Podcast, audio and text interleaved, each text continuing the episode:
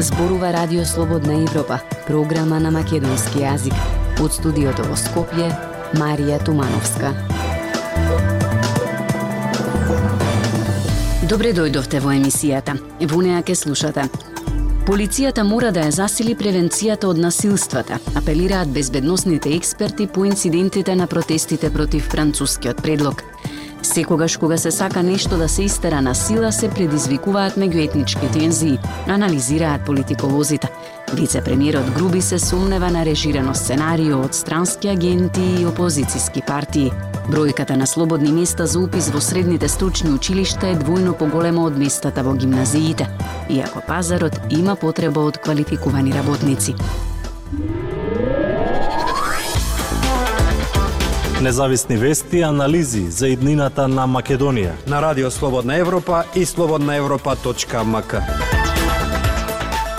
Започнуваме со емисијата. Под мотото Ултиматум не благодарам и вечерва се одржуваат протести против францускиот предлог. Порака со осуда за насилство во досегашните протести беа упатени од политичарите во земјата. Пораките се воглавно слични, но различна е перцепцијата за тоа дали полицијата реагира навреме при инциденти. Безбедносните аналитичари сугерираат промена на полициската тактика со поголема превенција. Прилог на Зорана Гаджовска-Спасовска.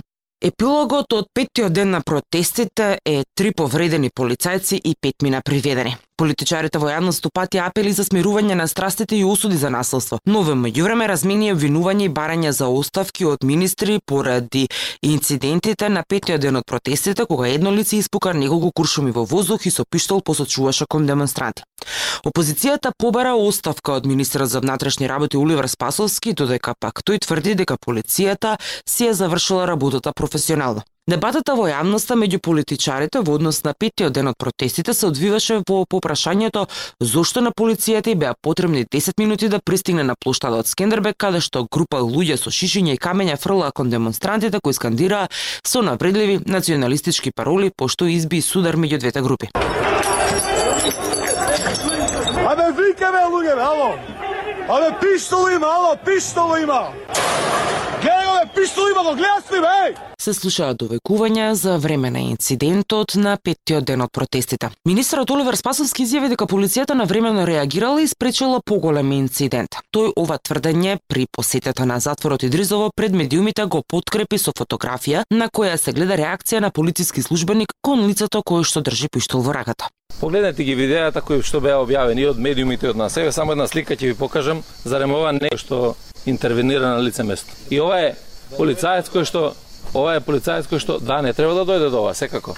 За да а, не дојде до ова, секој еден граѓанин мора да знае дека мирни протести мора да бидат. Но од друга страна пак поранишниот министер за внатрешни работи Наке Чулев од ВМРО ДПМН бара оставка од Спасовски и неговиот колега Бујар Османи затоа што како што веле тие двајца дозволиле да се случи сериозен безбедносен инцидент. Тој обвинува дека е направен сериозен пропуст во безбедносната проценка. Речи се секогаш во досегашните оперативни планови секторот Мавровка, односно площадот Скендербек идентификуван како критична безбедносна точка. За време на вчерашниот инцидент, од причини познати на министерот, на оваа локација, каде е необходно дури и висинско обезбедување, видливи беа само тројца позорникари. Ова значи дека целосно е потфрлено во физичкото обезбедување со непредвидување на доволен број на полициски сили и соодветни материјално-технички средства. Дел од аналитичарите за безбедност велат дека фокусот не треба да биде насочен кон полицијата, затоа што инцидентите се повеќе политика од колку сериозни безбедносни прашања. Но објаснуваат дека според видеата кои ги виделе од протестите, полицијата делувала според безбедносни проценки кои се направени во моментот на делување, затоа што според нив не можело да се предвиди кој кога и каде ќе носи огнено оружје со себе. Професорот Кебер Авзио, декан на правниот факултет на Тетовскиот универзитет, вели дека во иднина полицијата треба да смени тактиката за во целост да спречи насилно однесување постапување.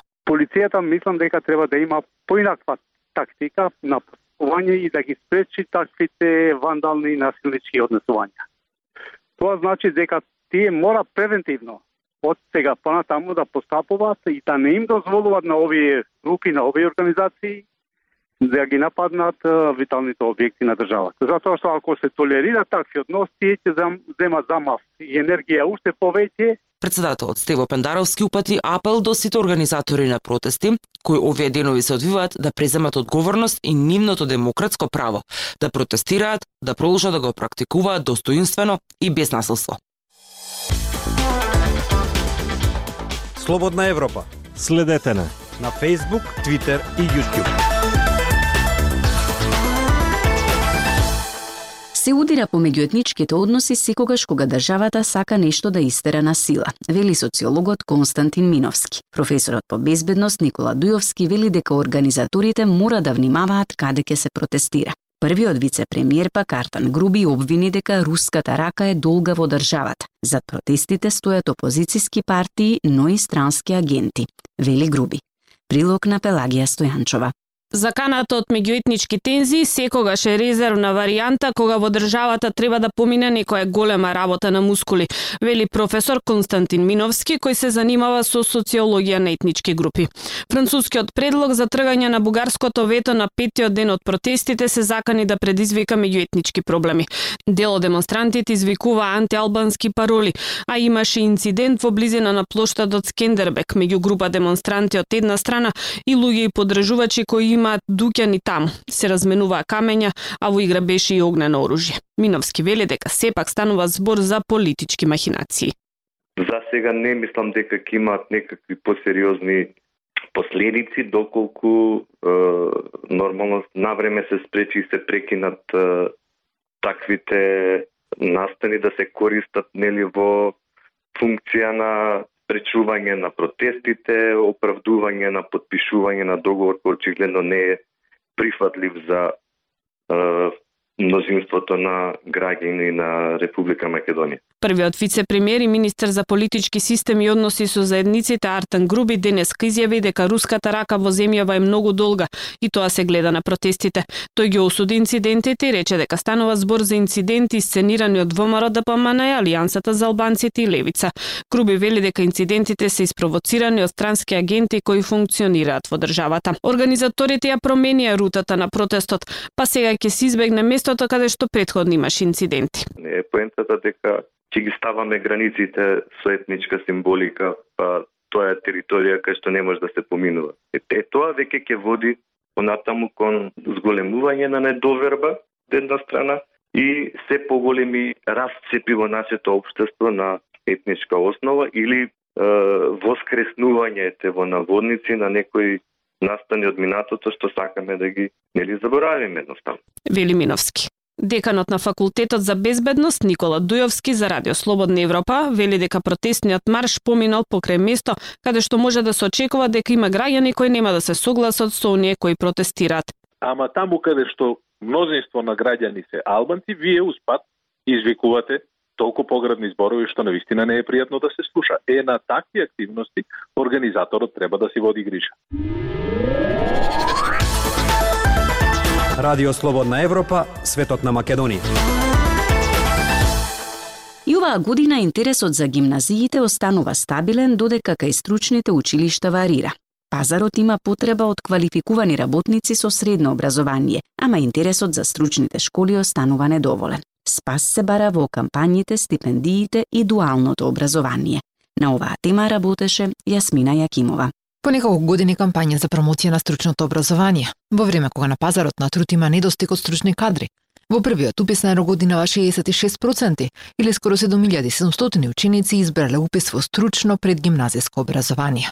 Додека интересот за гимназиите останува стабилен, во стручните училишта варира. Анита Тасапска вели дека ја поттикнала својата ќерка сама да го одбере средното училиште, а изборот паднал на математичка гимназија.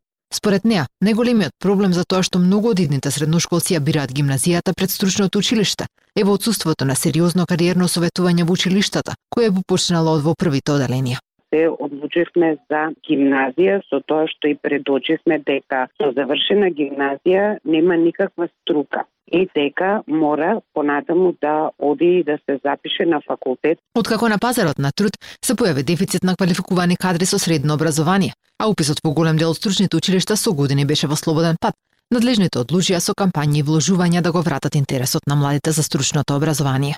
Новина беше воведувањето дуални паралелки, каде се склучуваа договори со компаниите. Поучениците добија однапред обезбедена пракса, а дел од нив и вработување, веднаш штом завршат средно. Директорот на Средното електротехничко училиште Михајло Пупин, Димитар Ѓоргиев, вели дека вложувањето во училиштата, паралелно со кампањите, стипендиите, воведувањето дуално образование, довеле до промени може да кажам дека сум презадоволен од уписот оваа година. Во 2018 имавме 614 ученика, денеска веќе со овој последен уписен рок броиме преку 920 ученика. Сепак и во ово училиште не се исполнете сите слободни места предвидени за годинава. Меѓутоа состојбата е далеко подобра од друго средно училиште во близина, 8 септември, каде се едуцираат идните водоинсталатери, мајстори за клими, заварувачи машинци. Таму годинава се запишале само 40 на ученици од 218 слободни места.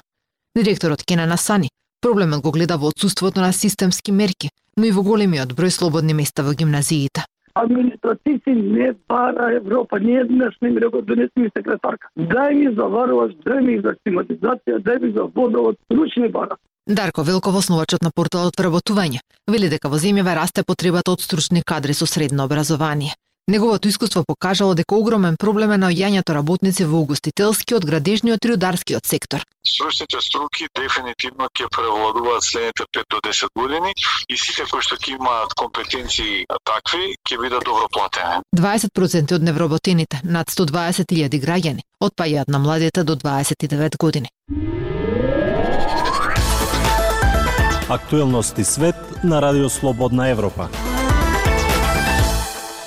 Новите варијанти на сојот омикрон на коронавирусот, кои се шират многу побрзо од предходните соеви, предизвикуваат нов бран на инфекции ширум светот, додека производителите на вакцини се тркаат со еволуцијата на вирусот за да произведат модифицирани вакцини, пишуваат светските медиуми. Прилог на Гоце Танасов. Две нови подваријанти на сојот омикрон на коронавирусот кои брзо се шират предизвикуваат нови бранови на инфекции ширум светот, посочува BBC. Здравствените експерти велат дека подваријантите BA4 и BA5 првпат идентификувани во Јужна Африка, наскоро би можеле да станат доминантни видови во Европа и Соединетите држави, откако предходните соеви на коронавирусот, како што се алфа и делта, предизвика огромни бранови инфекција. Последните подварианти што ги загрижуваат експертите се тесно поврзани со сојот Омикрон, што го поттикна скокот на инфекции во минатата зима. Тие беа додадени на списокот за мониторинг на Светската здравствена организација во март и исто така беа означени како варианти на загриженост во Европа. БА4 и БА5 првпат бе откриени во Јужна Африка во почетокот на годината и сега се чини дека се шират многу побрзо од другите варијанти на коронавирусот, соопшти британскиот јавен сервис, додавајќи дека тие постојано во повеќе европски земји и најверојатно наскоро ќе ги надминат другите видови коронавирус, што веќе се случи во Португалија каде доминантна е БА5. Во Соединетите држави официјалните лица велат дека забележуваат зголемен број на инфекции предизвикани од овие нови подваријанти. Инфекциите со коронавирусот во Британија исто така се во пораст, засилени со BA4, и BA5, додека Австралија исто така пријави зголемување на бројот на заразени. Иако се смета дека овие варијанти не се посмртоносни од другите видови на коронавирусот, тие подваријанти се шират полесно, делумно поради тоа што имунитетот може да се намали, делумно поради мутациите низ кои поминал вирусот, но исто така и бидејќи многу земји ги укинаа своите ограничувања за COVID-19, така што луѓето се повеќе се во контакт, што му дава на вирусот поголеми шанси да се шири. Најновите варианти се мајстори за избегнување на имунитетот, што значи дека предходните инфекции и вакцини веројатно нема да обезбедат голема заштита од инфекција. Е истакнуваат од Guardian наведувајќи дека BA4 и BA5 се позаразни од предходните видови и подваријанти на коронавирусот, поради што се очекува дополнително зголемување на бројот на заразени. Американската влада одобри нови ваксини за заштита од најновите соеви на сојот Омикрон, но тие ваксини нема да пристигнат до есен, кога бројот на заразени луѓе веќе е во пораст, пишува Гардијан. Толку во оваа емисија ја слушавте програмата на македонски јазик на Радио Слободна Европа. Од студиото во Скопје ве поздравуваат Дејан Балаловски и Марија Тумановска.